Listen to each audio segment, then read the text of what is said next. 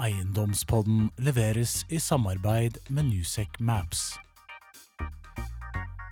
Hjertelig velkommen til en ny utgave av Eiendomspodden. Eh, nå er sommeren unnagjort, og høsten står for tur.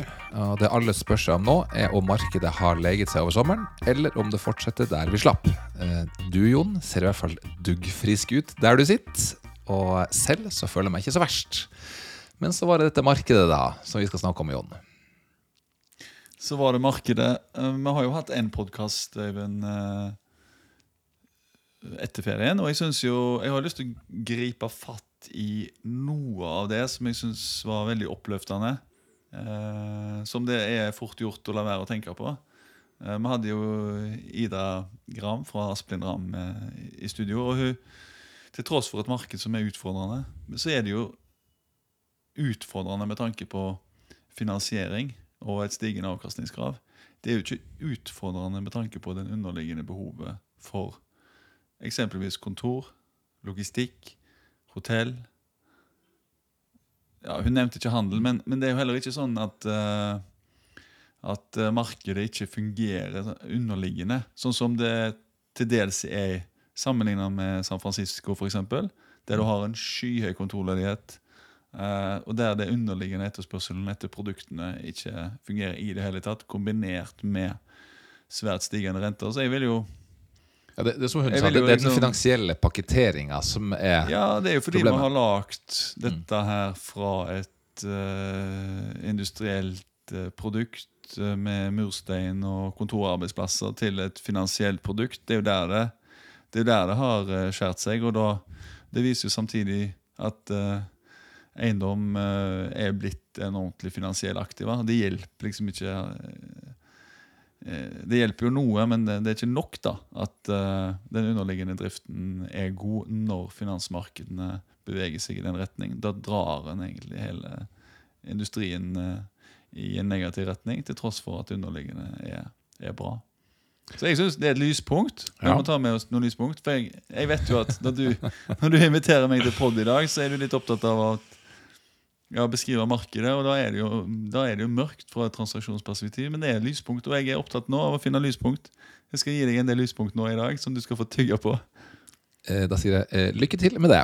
Eh, dagens agenda som vanlig makro. Vi kommer innom finansiering, som vi var litt inne på nå. Og så tar vi segmentene, og herunder da transaksjon og leiemarkedet. Og for å få litt bakteppe for dagens diskusjon, så har vi jo en inflasjon som nå har bitt seg fast. Eh, vi har renter som desperat jager etter, så arbeidsvilkårene er jo ikke de beste, som vi er inne på. Eh, det var et stille første halvår.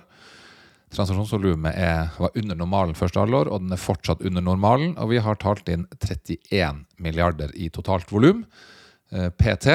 Nå snakker vi da i starten av september, så det skal holde hardt om det her skal bli et voldsomt hyggelig år. Eh, Vi har et eh, leiemarked hvor eh, aktiviteten er dessverre avtagende. Hadde akkurat besøk av Sigmund Aas. Og vi har leier som går sidelengs.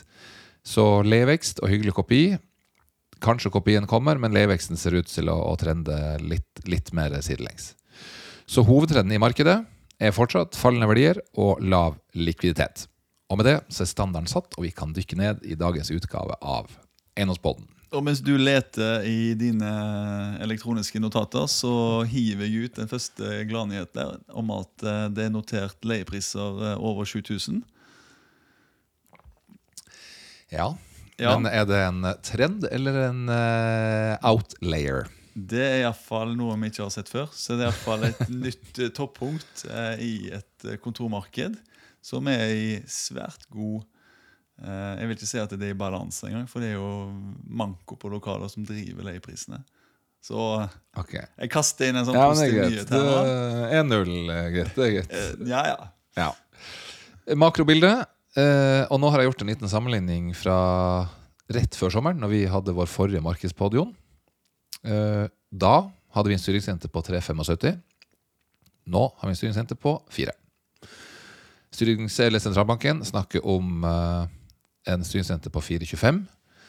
Markedet tror på 4,5, eh, og det er dessverre noen aktører som tror på en synsrente helt opp på 5% Så um, Da kan jeg kontra med en positiv eh, nyhet. Fordi eh, du er litt overraska nå, Øyvind. Eh, Ja, du har gjort hjemmeleksa di, du. Nei, jeg tar det litt fra hofta som vanlig. Men uh, husk på det at du kan uh, kjøpe en tiårssikring om tolv måneder på tre og en halv. Det er ikke så svært. Nei, og det er jo et paradoks. eh, Fordi, Bare hold fast ved det du sa der. Fordi vi har nå en femårsswap eh, på 4-4. Sist gang vi snakket sammen, så var den 4 blank. Vi har en tiårshopp sist gang, rett før sommeren, på 3-7. Nå er den på 4-10. Inflasjonen var 6,7, nå er den 5,4. Så basert på de tallene her nå, så har vi hatt stigende renter, men fallende inflasjon. Det ser ut som at inflasjonen på en måte, eller rentene begynner å ha effekt på inflasjonen. Og det paradokset som du var inne på nå, Jon, er veldig viktig. Fordi det er veldig mange aktører nå som funder seg flytende nettopp av den grunn at de venter med å låse seg inn på 85 år. Ja, 6-12 måneder. For da er det som det du sier, Jon, et paradoks at de swappene, eller er det FRA det heter, av de swappene, Ja. de er jo vanvittig lave. Ja, det er positivt lyspunkt. Ja, det, det er positivt lyspunkt. Så, så det er jo en tips til de som lytter. Ikke lås inn av fem- og tiåringer nå. Ligg flytende, og lås deg inn litt senere hvis du tror på de da prognosene eh, og de Ja, Du kan gjøre en rentebinding nå med virkning fram i tid, og jeg syns det er et element å ta, ta med seg. For da er det, da er det da er det ikke så mørkt, det, det bildet, å kjøpe på en, et realavkastningskrav eh, på 5,5 og sikre, og sikre renten på ja, 3,5 pluss margin. Ok, og så er marginen den er i dag, men hvis marginbildet er dårlig i dag, og det reflekteres i eiendom du får tak i, så vil antagelig marginbildet bedre seg etter hvert når du da skal ha en exit. Så hvis eh, Eh, Du, Altså, det, du, det er du som er megler, og jeg som er analytiker. Det, Nei, men mener- for nå, Eh, ja, ja, men du, det er sterk, er- du er sterk nå. Nei, men jeg mener liksom Det, det forundrer meg sjøl Ikke bare hvordan markedet er, men hvordan jeg er, og hvordan du er, og hvordan egentlig vi alle er. Vi er veldig sånn øyeblikksorienterte. Det så vi òg når, eh, når eh, du kunne sette sammen en, eh, en høygira eiendom når swappen var et halvt prosentpoeng. Eh, og da var det utbytte år én. Det, var- det spruta penger. Men sant, det var jo ikke noe sånn Eh, Hvor realistisk var det at det skulle vare evig? Nei. Uh, det tok ganske kort tid, sant? så begynte renten å gå. For det var jo en rente som Det er vel Pål Ringholm som snakker om dette her. Er renten lav nå? Ja, den har ikke vært lavere på 1000 år. Så, så han, og han har jo noen sånne perspektiver rundt, rundt renter som er verdt å lytte til. og Det var jo utenkelig at det skulle vært så lavt så lenge.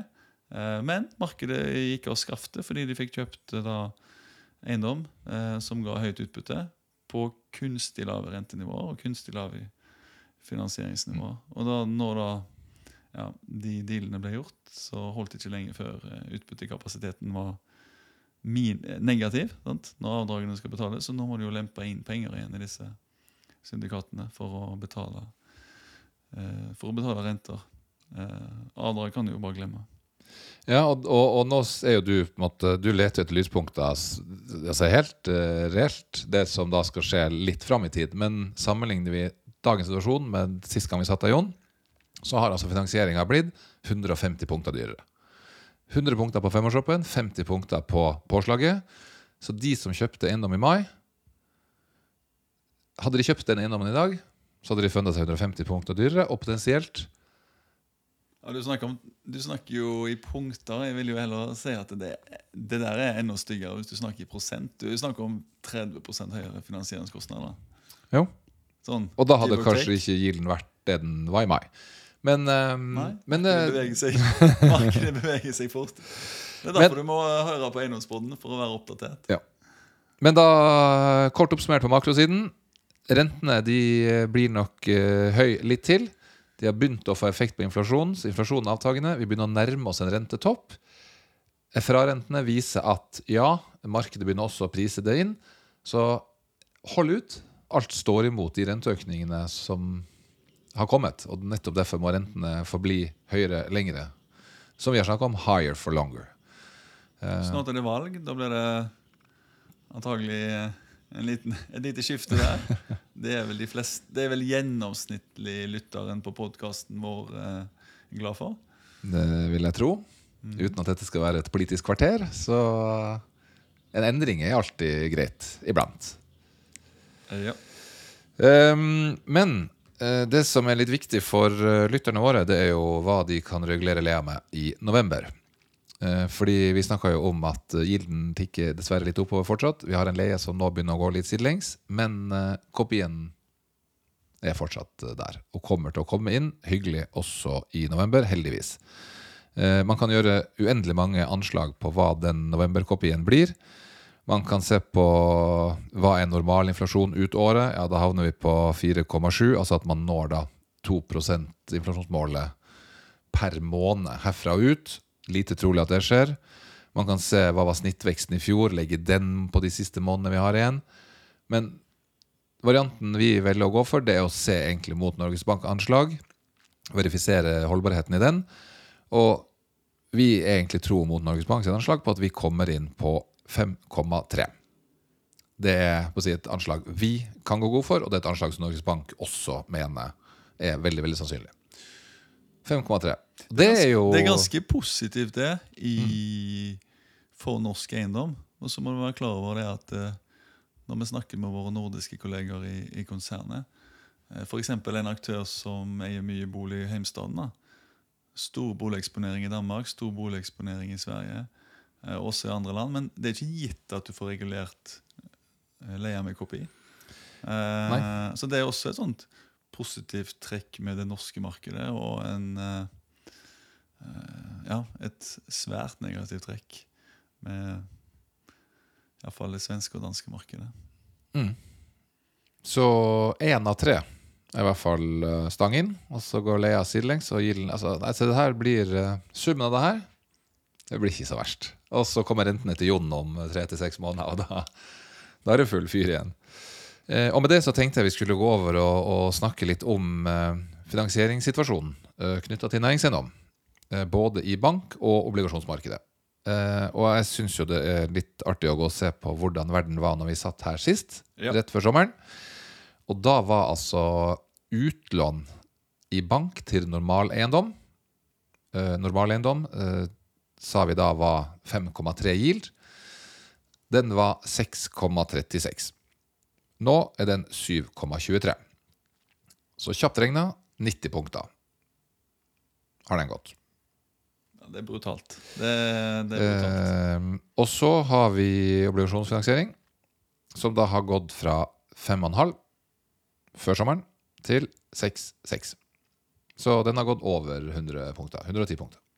Og når du sier obligasjonsfinansiering, så er det en pakke av de obligasjonene som er notert på Oslo Børs fra eiendomsselskap. ja, det er der du kan kjøpe de, og det gir deg 6% avkastning. ja, Enpro, Entra, Olav Bane Nor. Ja, Altså Det er eh, noen der som er åpenbart veldig, veldig lav gild på, men eh, noen litt høyere. Ja, så det blir jo en, det blir en snitt, eh, snittbetraktning på det. Uh, og før vi går inn på de påslagene Prime yield før sommeren var den 4. Nå har vi satt den opp til 4,25.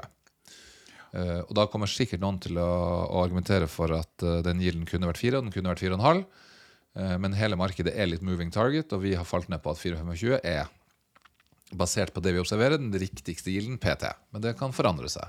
Ja, Vi har jo sett på noen konkrete transaksjoner Even, som har vært gjennomført, uten å gå inn på, på alle de, men det har jo vært noen toneangivende sentralt i Oslo, noe rene kontoreiendommer og noe mer av type trophy assets. Ja, vi har sol, Samtidig plass, og noe randsone CBD. Eh, Samtidig så har vel så er det vel viktig å se på når det blir gjennomført, og, og prøve å ekstrapolere ut ifra renteutviklingen som du, du har sett siden den gang. Ja, du, det- men så er det jo Det, det har alltid vært få referansetransaksjoner eh, hver gang vi har quality board de siste ja, 13 årene jeg har sittet her. i hvert fall. Så, så, så Det er alltid få referansepunkt knytta til prime. Det vil, det vil jo alltid være, for det er få lite prime eiendom. Ja, altså skal de være relativt ren både med tanke på lengde og markedsmessige vilkår. Så, så det er jeg helt enig i. Men du nevner jo da de eiendommene. altså Tordenskiolds gate, vi har Sommerogata, Henrik Ibsens gate, Akersgata. Det her er eiendommer som har gått et sted mellom 3,8 og 4,1. Det kan vi si. Ja, og så er det vel da Clarkson-bygget også en toneangivende med, med KLP som kjøper for eh, Men det er jo en del rentepunkter siden, da. Det er en del rentepunkter. Den snakka vi om sist. Den gikk på 4,4. Så, så, men som du sier, Jon, det viktige her er jo å se på hvilken yield har disse gått på under hvilket, eh, hvilken finansieringsklima. Uh, og dessverre så er vi 100-150 punkter opp Ja. siden den gang. Jeg tror jo dette markedet er todelt eh, i mye større grad. Eller tro. Jeg skal helst ikke tro, men jeg skal mene noe basert på fakta. Og jeg, jeg observerer iallfall at eh, det er i større grad todelt.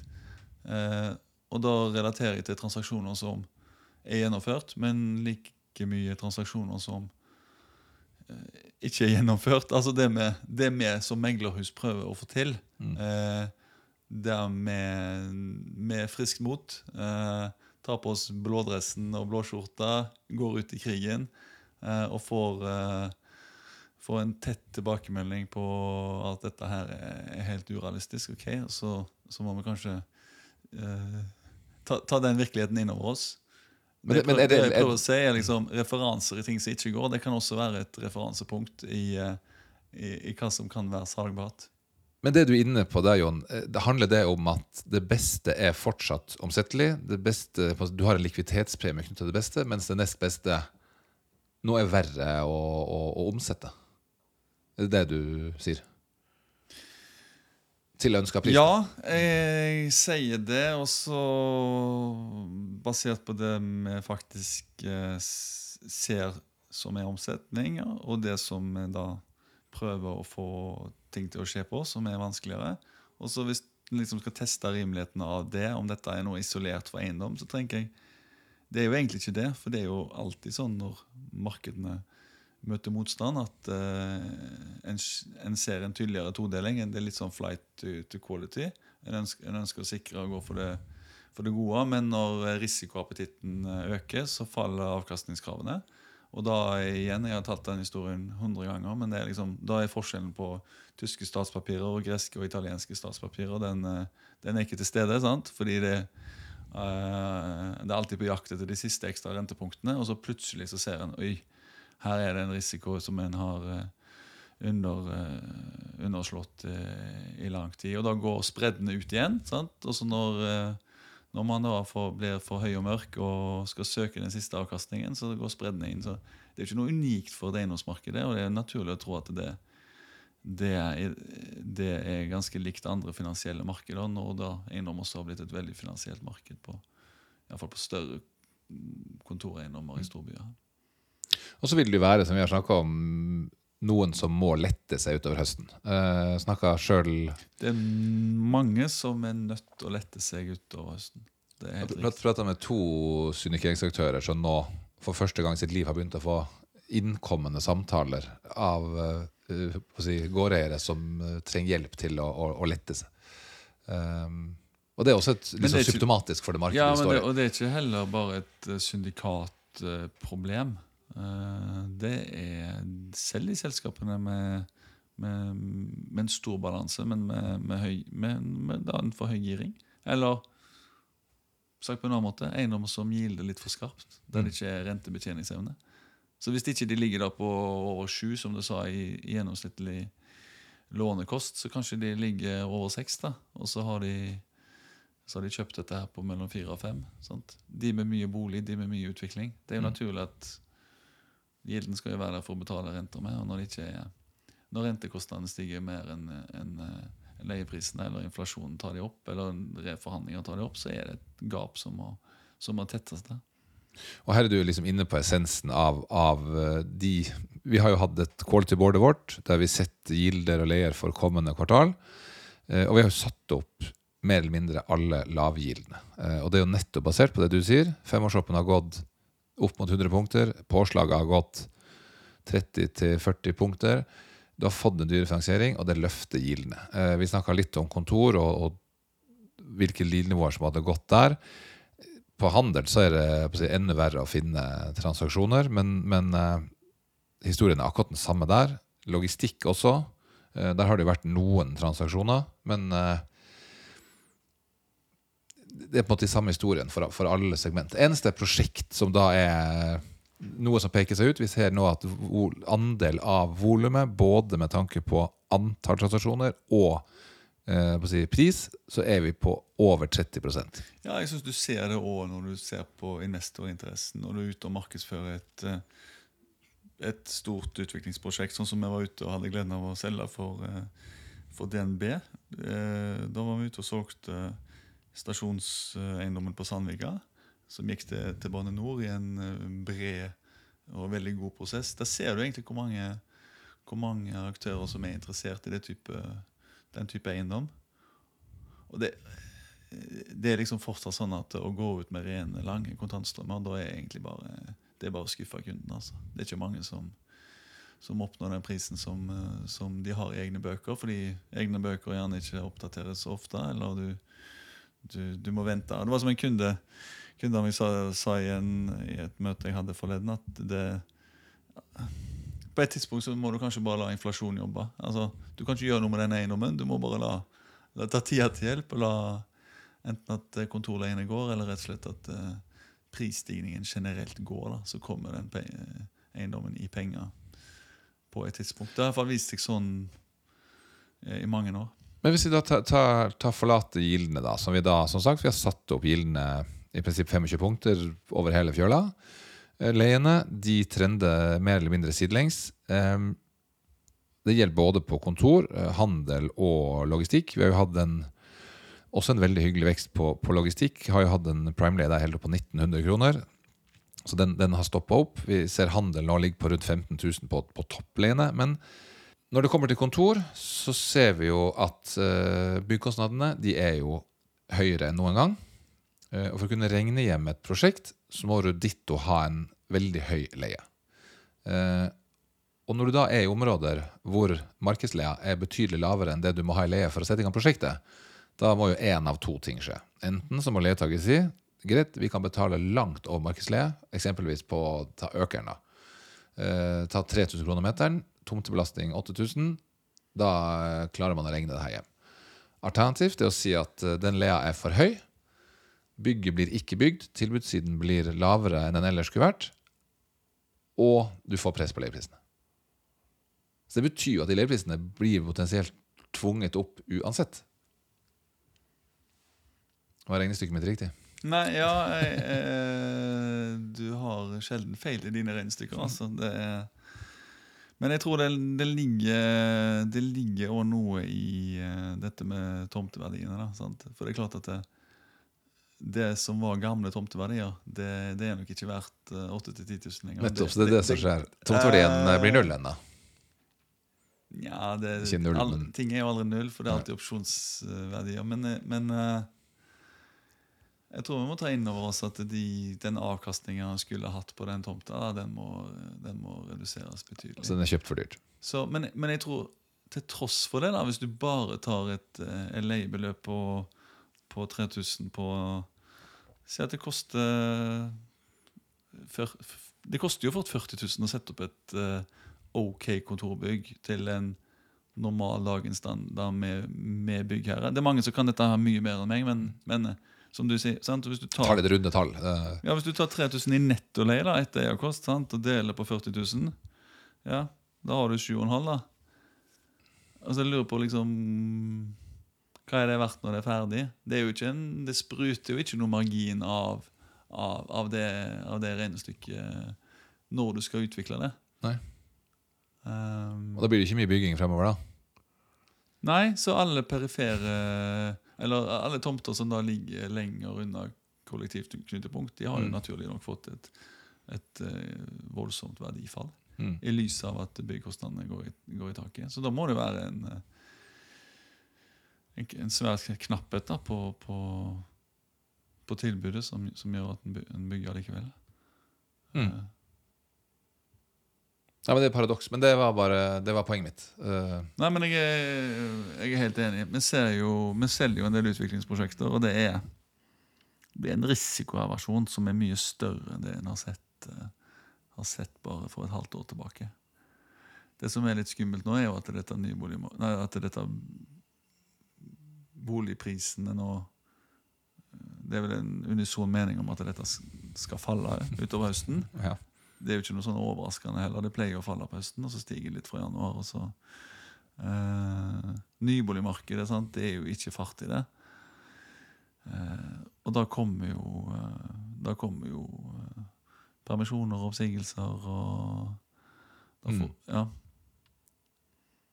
Jeg er ganske sikker på at det blir en ganske tøff eh, runde for mange entreprenører. Jeg er overraska at det ikke har kommet før. men eh, Den har stått imot ganske lenge. Men jeg tror det jeg tror det må se noen relativt positive, gode salgsdata ganske, ganske kjapt. Altså, for at ikke det skal bli, bli litt eh, mørkere før det blir bedre. Det skal bli bedre til slutt. Det har jo du lovt Ja, innledningsvis. ja, ja, er jeg er optimist, og jeg har eh, masse lyspunkter å se fram og, og ta fram. Så tenk når dette boligmarkedet kommer igjen. da Tenk hvor mye det kommer til å gå. ja, da kommer det til å gå. Da kommer det til å gå. Eh, vi skal bevege oss eh, over i segmentene og ta kort eh, både segment og litt eh, de største byene. Eh, vi kan jo begynne med kontor. Eh, vi har vært inne på det. Økte avkastningskrav. Gildene er på vei opp. Eh, det er et vakuum i transaksjonsmarkedet. Eh, vi har talt opp 31 milliard. Langt bak der vi bruker å være siste ti år. Eh, og vi ser da at value add, eller eventuelt veldig core beliggenhet, er etterspurt. Eh, vi har lav kontorledighet i de største byene. eh, og den ledigheten forblir jo kanskje lav ettersom byggekostnadene er så høy og man ikke får de leiene man vil ha. Så det hjelper jo på hvert fall å holde leieprisene eh, og hindre de i i å falle. Eh, og vi tror jo da på en flat leievekst neste tolv måneder. Og så er det jo en kjepphest på vegne av Newsec, og ikke minst deg, Jon. Hadde du gått i 1. mai-toget, så hadde det stått eh, 'ikke la grønne verdier gå tapt'. Fordi grønne bygg, Jon, der har du eh, fått en eller annen eh, veldig En eller annen, aha-opplevelse. Du du skal ta igjen for livet ditt siste 45 år med å gjøre det godt igjen. Uh, nei, men jeg har lurt litt på, på dette sjøl. Dette, dette tror jeg ikke handler om personlig overbevisning. Dette handler om å være en et, et forsøk på å være en Ja, å komme med noe bidrag til eh, hvor penge, pengene, strømmene, kommer til å gå framover. Og det er klart at pengene kommer til å bli allokert mot grønne investeringer. Om det er eiendom eller andre typer aktiva. Og hvis ikke vi som ønsker å jobbe med profesjonelle investorer, eh, som igjen kommer til å sette krav til hvor pengene plasseres, har kompetanse innen det grønne skiftet, så, så, så da, da er det litt tynt. altså. Hvis du, hvis du kun er opptatt av eh, leie, yield og byggekost, men, eh, men ikke klarer å tikke av den siste boksen, så jeg, så jeg tenker at det er en selvfølge, helt uavhengig av mitt personlige purpose eller, eller uh, noe annen idealistisk form. Uh, om jeg er opptatt av sortering eller ei, det har ingenting med noen ting å gjøre. Men uh, jeg tror en megler, rådgiver, en som jobber innenfor eiendom, må ha en viss innsikt innenfor ja, det grønne skiftet. Og eh, selvfølgelig også innenfor digitalisering, som også er tett knytta opp mot det grønne skiftet. Sånn som vi snakket om tidligere i dag med våre nordiske, Ja. kollegaer. Men så gir det jo en, et touch av meningsfullhet knytta til den jobben vi gjør. Det, du skal jo ikke undergrave det. det- det altså, vi, vi er jo blitt 45, Jon. Det er jo eh, liksom hyggelig å faktisk kunne sitte rundt en middag og si at uh, også vi gjør noe som er samfunnsnyttig. Mm, Jeg føler du drar, du, drar, du drar litt langt, men vi sitter i en posisjon der vi kan eh, være med og påvirke og diskutere oss fram til løsninger sammen med ganske mange flinke som vil, vil dette her. da. Og der er det veldig mange å, ja, det, det er nesten sånn at jeg ikke har lyst til å nevne noen, for det, da, da har du glemt noen. Men det er mange, mange store, eh, flotte industrielle selskaper å, eh, å se til hvis du vil lære litt hvordan du skal jobbe i en, en grønn retning. Men det blir viktig. Altså den, Jeg tror det er det største value add-elementet eh, som står foran oss nå. Det har vi også sagt de siste årene. Og Da har det blitt henta penger til dette her nå. Og det bygges teknologiske løsninger og plattformer. Vi har jo i den forbindelse kan jo nevne det, vi har jo også inngått et strategisk eh, partnerskap med et veldig spennende selskap som heter EI Solutions. Et eh, startup-utspring fra NTNU-miljøet, eh, som har utvikla en, eh, en plattform for å gjøre klima- og sårbarhetsanalyser på næringseiendom. Det er noe vi i Newsec gjør i dag i stadig større grad. Vi gjør det for både norske aktører, men vi gjør det også for en del utenlandske aktører. Eh, og de, Mange av de utenlandske ser på det som en selvfølge at du skal gjøre en klima- og sårbarhetsanalyse på eiendommen din. Og det er jo et av de kravene for å være, for å være en grønn eiendom. Du må levere en klima- og sårbarhetsanalyse. Og da screener du eiendommen. da. Basically så er eh, teknologien tilrettelagt eh, på en måte der du eh, der du går inn og, og, og taster inn adressen og type, type eiendom, og så får du da opp et sett med, med screeningkriterier på den type beliggenhet. F.eks. om man ligger i fareområdet for, eh, for stormflo, eller fareområde for eh, til og med biodiversitet er det der. Fareområde for eh, grunn, altså kvikkleire. Altså den, den screener kjapt basert på, på adresser tilgjengelige eh, kartlag og informasjon. Så det er litt beslekta inn mot Newsec Maps, men eh, der Newsec Maps er en tilbyder av informasjon, så er jo dette da et eh, rapporteringsverktøy som, som du er lovpålagt å levere inn for å kvalifisere til å være et grønt bygg.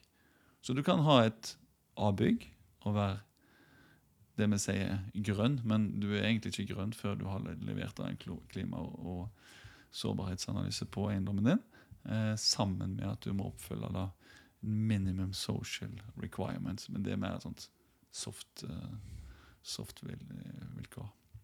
Så de som Så litt eh, reklame der, ja. men eh, det, du, du spilte liksom den pasningen Ja. rett i nebbet mitt for å, for å røre det inn i uh, inn i, Music-paraplyen. Ja, men det er bra. Uh, jeg tenkte vi skulle forlate Oslo for en uh, liten stund og se litt på Bergen, Stavanger og Trondheim. Um, I Bergen så har vi en prime yield på 4,75. Vi har en toppleie på 3007, og vi har en eh, ledighet på 7,3 uh, Og ledigheten i Bergen den er stabil, uh, og vi ser at det er næringskorridoren som har den eh, laveste ledigheten, på 3,6 uh, vi ser stigende leiepriser i Bergen, eh, litt lavere tempo enn før. Og der er det næringskorridoren med nevnte lavest ledighet som også har sterkest vekst i leiene.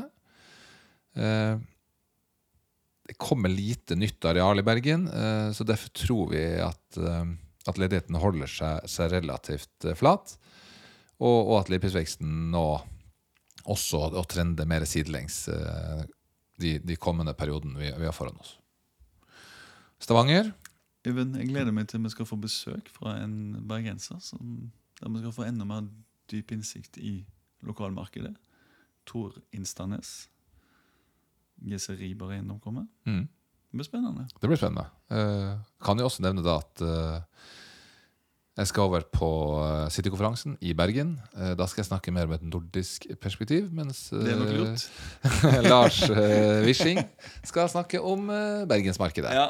Så da skal jeg gi han stafettpinnen der eh, neste torsdag. Mm. Eh, Stavanger, prime yield på 5, Topple på 4000 og en ledighet på 7,4. Eh, I Stavanger så faller ledigheten, og det er klart lavest ledighet i sentrum og Hinna park. Eh, største lyspunkt er faktisk Forus, hvor vi nå observerer at ledigheten faller for fjerde kvartal på rad. Ja, fra høye nivå, men det er en, en fallende trend. Eh, og det er høy byggeaktivitet de kommende årene. Eh, derfor tror vi at ledigheten skal økes moderat igjen, og vi tror at leieprisene går sidelengs. Og til slutt, Trondheim, prime yield 5, toppleie 3001 og en ledighet på 4,6. Eh, kontormarkedet i Trondheim går fortsatt bra, til tross for nybyggaktiviteten som er der. Vi har da en ledighet på 4,6, som er veldig lavt. Vi tror ledigheten skal holde seg ut 24 og ut 25. Eh, og så tror vi da på en flat eh, Men du, Leie. Even, nå bare sånn i et fugleperspektiv. mm. Toppleie 3001 i Trondheim, Mm. 3007 i Bergen og 4000 i Stavanger, var det du sa? Ja. Helt riktig. Og her i Oslo 6003. Men når vi snakker toppleie, så snakker vi da topp eh, 5 og ikke den der eh, Topp 5? topp 5. Ja. Når vi snakker Men du, hvordan klarer du å få et nybygg i Trondheim i mål på 3001? Altså, Du hadde det samme regnestykket her oppe på Økeren. Altså, det, Tomten er det billigere, så jækla Ja, men det er jo litt det du sier, da. Det er ikke høye tomteverdier når du skal få økonomi i et prosjekt til, til 3001. altså. Hvis avkastningskravet i Trondheim er høyere enn i, enn i Oslo, så er det jo eh, knapt regningsvarende å sette opp nybygg. Mm. Men det, det tror jeg er en erkjennelse um, vi må gjøre oss, eh, men òg veldig mange andre som, eh, som, har, som har næringstomter på litt sånn mer periferbeliggende eh, områder. Altså, det er lave tomteverdier gjennomgående. Mm. Og når vi snakker, det, det markedet vi snakker om, det bruker 95% av tida å snakke på. Det er jo liksom toppen på, toppen på spiret, altså. Hvis Ja. sagt hva er en gjennomsnittlig tomteverdi på utenfor de store byene på næring, er det 1000 kroner kvadratmeteren? Nei, men helt Nei, nei, nei, jeg er enig. Altså, det er noe. Det er alltid noe, men det er jaggu meg eh, Det, det, det er jaggu meg eh, Med de byggeprisene en ser nå, og de økende, økte avkastningskravene en ser, så er det fader ikke mye tomteverdi rundt omkring. Og dette husker jeg i den perioden gildene stupte, så jobba vi med et stort, eh, en stor tomtebank innenfor logistikk.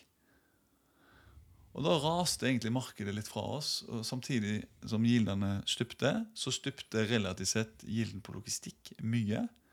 Eh, og i tillegg så var eh, byggekostnadene innenfor logistikk relativt moderate og til dels veldig lave. Mm. Og dette medførte for type en sju-åtte år siden, kanskje nå, kanskje mer, tida går fort, men da, da var det sånn at du kunne sette opp nybygg til 500-600 kroner meteren, og det gav eh, gevinst. sant? Mm. Jo, og da kunne du til og med allokere verdi til tomt. sant? Ja. Du kunne liksom, På 20-åringer eller 15-åringer med god kreditt så kunne du jo tilby forsvinnende lave leier, som egentlig ødela hele det der eh, Eller ødela og ødela. altså det, det skapte på bare et sånn ny, nytt referansepunkt på at logistikkprisene var jæklig lave. da. Ja, men det har jo nå ser du liksom det, nå er liksom alt snudd. Nå, nå, og da var egentlig logistikk eh, Da var jo logistikkverdien eh, eh, finansielt drevet til 1000. Men nå ser du egentlig det motsatte. Når du ser den der last mile logistics, nå ser du økende by- byggekostnader, men du ser liksom at leiepriser opp mot eh, ja, fort 1800 rundt eh, gode, gode, gode beliggenheter på Rodalna, Groruddalen. Eh, men, du, det er jo ikke drevet av renter sånn som det var når, Nei, men ta- ta- leieprisene stupte. da. Ta ta leien, leiene på Vestby, da. De har jo Ja. vært uh, under 1000 kroner på si, fram til relativt nylig. Mm. Uh, og det er fordi at gildkompresjonen har gjort at det her har vært regningssvarende hele veien. Ja. Men når, når den gilden slutter å bidra, og heller går andre vei, så må du jo eventuelt ta det på leia for at det her skal regnes hjem. Men det betyr jo egentlig at det du sitter på, da Hvis du sitter på en uh, sånn OK kort kontrakt, så er det jo mindre risiko for at leietakeren flytter òg. Ja, altså Logistikk har jo snudd fra å være Det, det mest sexy du kunne ha, det var lang logistikk eh, på 1300 kroner meteren. Nå vil du ha kort logistikk på 1300, refinansiere den til 1900, og så skrive tiåringen. Ja, for det er jo ikke lett å forsvare et nybygg nå på, med nye byggekostnader. Eh, det er ikke så stort utbud hvis du skal ha en stor tomt med, med, med stor, eh, stor, altså stor plass. da. Nei, altså mellom Oslo og Gardermoen så Det er vanskelig å bebygge dette med, med 50% hvis du skal ha plass til noe vareflytt. Ja, det er det man regner. 50% fotavtrykk og resten til Ja, transport. Og porter inn og ut av mm. Ja. Eh, men vi kan jo ta, når vi er inne på logistikken Vi har jo en prime yield der på 5. Eh, Den har vi satt opp fra 4,75. Eh, Vi var jo nede i Newsec på 4 blank, prime yield logistikk. Noen av våre konkurrenter var nede på 3,75. Eh, Men da var også leiene 1300 kroner meteren. Nå er vi på 5 i prime yield og 1950 på toppleia. Så, eh, og så ser vi at ledigheten er klart størst på de største hubene utenfor byen, mens last mile logistikk, distribusjonshuber nært sentrum, har lav ledighet og er vanvittig attraktiv. Eh, vi kan ta litt eh, handel. Eh, handel er jo litt går det egentlig i det handelssegmentet nå? Ja, men Nei, altså Handel er jo litt bondefanga av de renteøkningene som nettopp har ett formål, og det er å få oss til å slutte å handle. Men folk har jo klart å stå han av ufattelig lenge nå. Men det er jo da nevnt lav arbeidsledighet, det er en lønnsøkning på 5% Det har på en måte kommet eh, bidrag eh, i retning av at man har klart å holde ut eh, litt lenger, da. Ja, men når jeg, når jeg går inn på min konto, så er det ikke mye Det er ikke mye av det overskuddet som var der før, som du bare kan øse ut. altså. Nei, og det er jo litt overraskende at folk klarer å stå imot så lenge som de gjør, men, men nå ser vi jo at BNP-veksten var null. Eh, Du ser inflasjonen som faller tilbake. Altså nå er vi Folk er mer eller mindre ferdige nå, altså. Ja, men Hvordan går det med detaljhandelen nå? Nei, og da ser vi jo nå at vi, det er en økning i antall konkurser innenfor detaljhandel og restaurant. Det ser vi. Eh, vi ser en kraftig brems i varehandel eh, pga. lavere kjøpekraft. Eh, og at netthandelen holder seg sterk. Så det vi ser er jo at Gilden øker for all type handel, eh, og verdien reddes jo ikke av økte markedsleier, sånn som historien har vært på kontor fram til nå. Eh, og så er det jo å vente da å se på effekten av eh, økte renter og inflasjon, og, og, og se hva det har å si for eh, vår Det som er positivt nå, da. Det som er positivt, som jeg var veldig bekymra rundt handel, var jo dette med energipriser og strømpriser. altså. Det har jo heldigvis kommet ned på nivåer der en har, har glemt den utfordringen. Det var jo sånn at eh, det var jo knapt et bakeri som kunne ha åpnet her på det Det så i hvert fall sånn ut på Dagsrevyen. Det var jo ute og, og klagde sin nød. sant? Det, det kommer til å bli dyre skolebrød framover. Men, eh, men, eh, nei, men, men du får jo noen sånne sånne utfordringer knytta til enkelte innsatsfaktorer som går i, går i taket. Så. Men jeg, igjen, jeg klarer ikke å se hvor denne At det skal være noe vekst, iallfall. Iallfall ikke, ikke hjemme hos meg. Nei, er- altså, som sagt, altså når, når, når all politikk handler om å få oss til å slutte å handle, så kommer de til å holde på til vi har slutta. Så um, jeg tror bare folk kan slutte å handle med en gang, og så kan den renta få lov å komme ned igjen. Og så kan vi begynne å shoppe igjen. Godt sagt. Eh, siste segment, det er hotell. Eh, det er jo et eh, segment som går litt hånd i hånd med retail på mange måter, men eh, hotell er litt annerledes. Eh, og grunnen til det er at der har vi større innslag av utlendinger, eh, og de har jo fått det relativt eh, bedre når vi har fått det verre, i hvert fall knytta til valuta. Så det at det nå til og med blir dyrt å dra til Altså Harryhandel i Sverige blir dyrt. Jeg prata med folk som har vært i Danmark i sommer. Det er så dyrt at det er ikke mulig. Sjøl vært på Gran Canaria. Trodde i hvert fall der skulle føle meg litt velstående. Det var dyrt også der. Syns det er dyrt uansett hvor du snur deg nå. Og det, og det er jo en utfordring, men poenget med hotell er jo da at uh, utlendingene de kommer til Norge når krona er svak. Vi har sett på korrelasjonen mellom jeg si, antall utenlandske turister og uh, kronekurs, og den er kjempesterk, den korrelasjonen. Og når vi da ser på belegg i sommer, så har jo utenlandske turister eksplodert. Så, så de som har hotell i Norge som uh, tiltrekker seg utenlandske turister, de kommer til å være vinneren uh, framover. Så hotell kan klare seg Men Er dette en langsiktig trend, Øyvind? Eller er det et, uh, Nå har du sett på valuta. Jeg tror jo dette har litt med demografi og litt med opplevelser og Det er grenser for hvor mye du skal putte inn i kjeften. altså Til slutt så må du ha, ha noen opplevelser. Og varme. Altså, Du ser på den uh, hetebølgen som traff varme. Europa. Eh, det snakkes jo nå om at Rodos eh, potensielt ikke er en feriedestinasjon lenger. ble snakket om i sommer. Så, så hvis det blir for varmt å reise dit, da kan Norge plutselig fremstå som eh, på å si et, et fredfullt land, eh, et eh, billig land, et land med en behagelig temperatur og et land fullt av unike opplevelser. Så Norge er jo i en særstilling. Det Tror- ser jo lyst ut da for, eh, for reiseliv eh, spesielt. Eh, Jeg tror dette er en langsiktig trend. Absolutt. Så, så hotell er vel kanskje det vi er mest positive til, og hotell er faktisk det eneste segmentet vi også har en liten sol på. Bak en sky, men uh, der har vi sol. Så uh, Jeg tror vi skal oppsummere podkasten med litt sånn kort og gærlig, så, så, er det dessverre sånn at uh, fremmedkapitalen er higher for longer, som vi snakka om sist.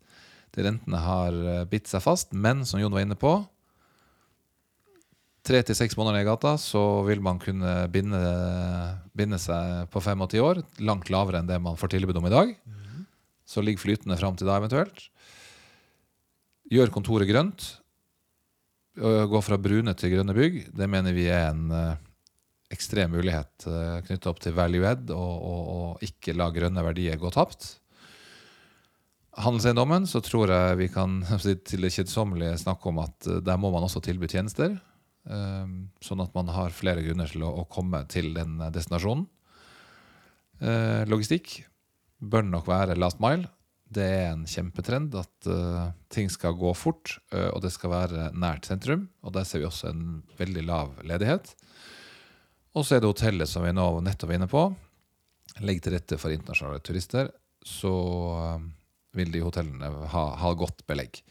Um, også going forward. Men uh, vi er i et marked som er tidvis vanskelig, Jon. Sånn er det.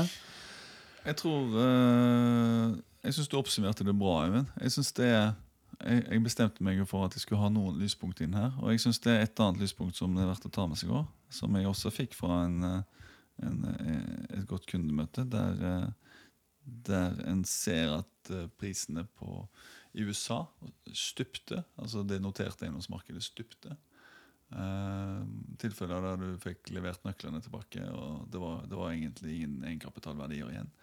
Uh, men så så en, en uh, så så en en større transaksjon i, i New York blant blant den eh, beste delen av eiendomssegmentet. Og det, da snudde markedet virkelig. Mm. Eh, så nå er jo det det verste gjort der borte, antagelig, og at markedet er tilbake. Og ja, du vet, den kapitalen som, som, er i Norge, mye av den kapitalen, den er fondskapital. Det er fondspenger som er investert i noe i New York, noe i Paris, eh, noe i Frankfurt, noe i London. Eh, og så kanskje vi har noe av disse pengene som kommer inn gjennom fondsstrukturer i, i, Norge. Og hvis det går dritdårlig alle steder, og ingen ser at det snur, så, så, er det også vanskelig å være optimistisk på Norge. Men et lite lyspunkt når, eh, når en får bekrefta at uh, verdiene var vesentlig høyere på da, denne kontortransaksjonen i New York, som, som tilsier at da aksjemarkedet snudde brått uh, rett opp. Så la oss håpe det kan smitter over, og at vi ikke får en sånn negativ smitte fra, fra, fra Kina. For der er det heller, er det heller litt, eh, litt, litt, mørkere. Men det kan, det kan vi ta en annen gang. Uh, og det er jo i sånne markeder som vi står i nå, Jon, at mulighetene også er størst. Uh, og derfor ønsker vi i Newsec også å ansette. Uh, og vi ser jo alltid etter flinke folk. Så um, de av dere som lytter og har et brennende ønske om å jobbe i en av, hos en av de store næringsmeglerne, så vil det komme en utlysning, og ta kontakt og søk, og så tar vi en uh, prat. ikke det? Jo. jo. Så med det så takker vi for oppmerksomheten. Vi er, har en uh, veldig travel podhøst. Tror vi har fire-fem podder som allerede er på er avtalt. Men vi tar jo alltid imot innspill på, på gjester som Eller eventuelt tema. Så ja. Alt er ok, det, altså. Så med det så takker jeg for praten, Jon. Alltid hyggelig. Du er en ukuelig optimist. Det er fint. Takk for praten, Even. Yes. På gjenhør. Hei da.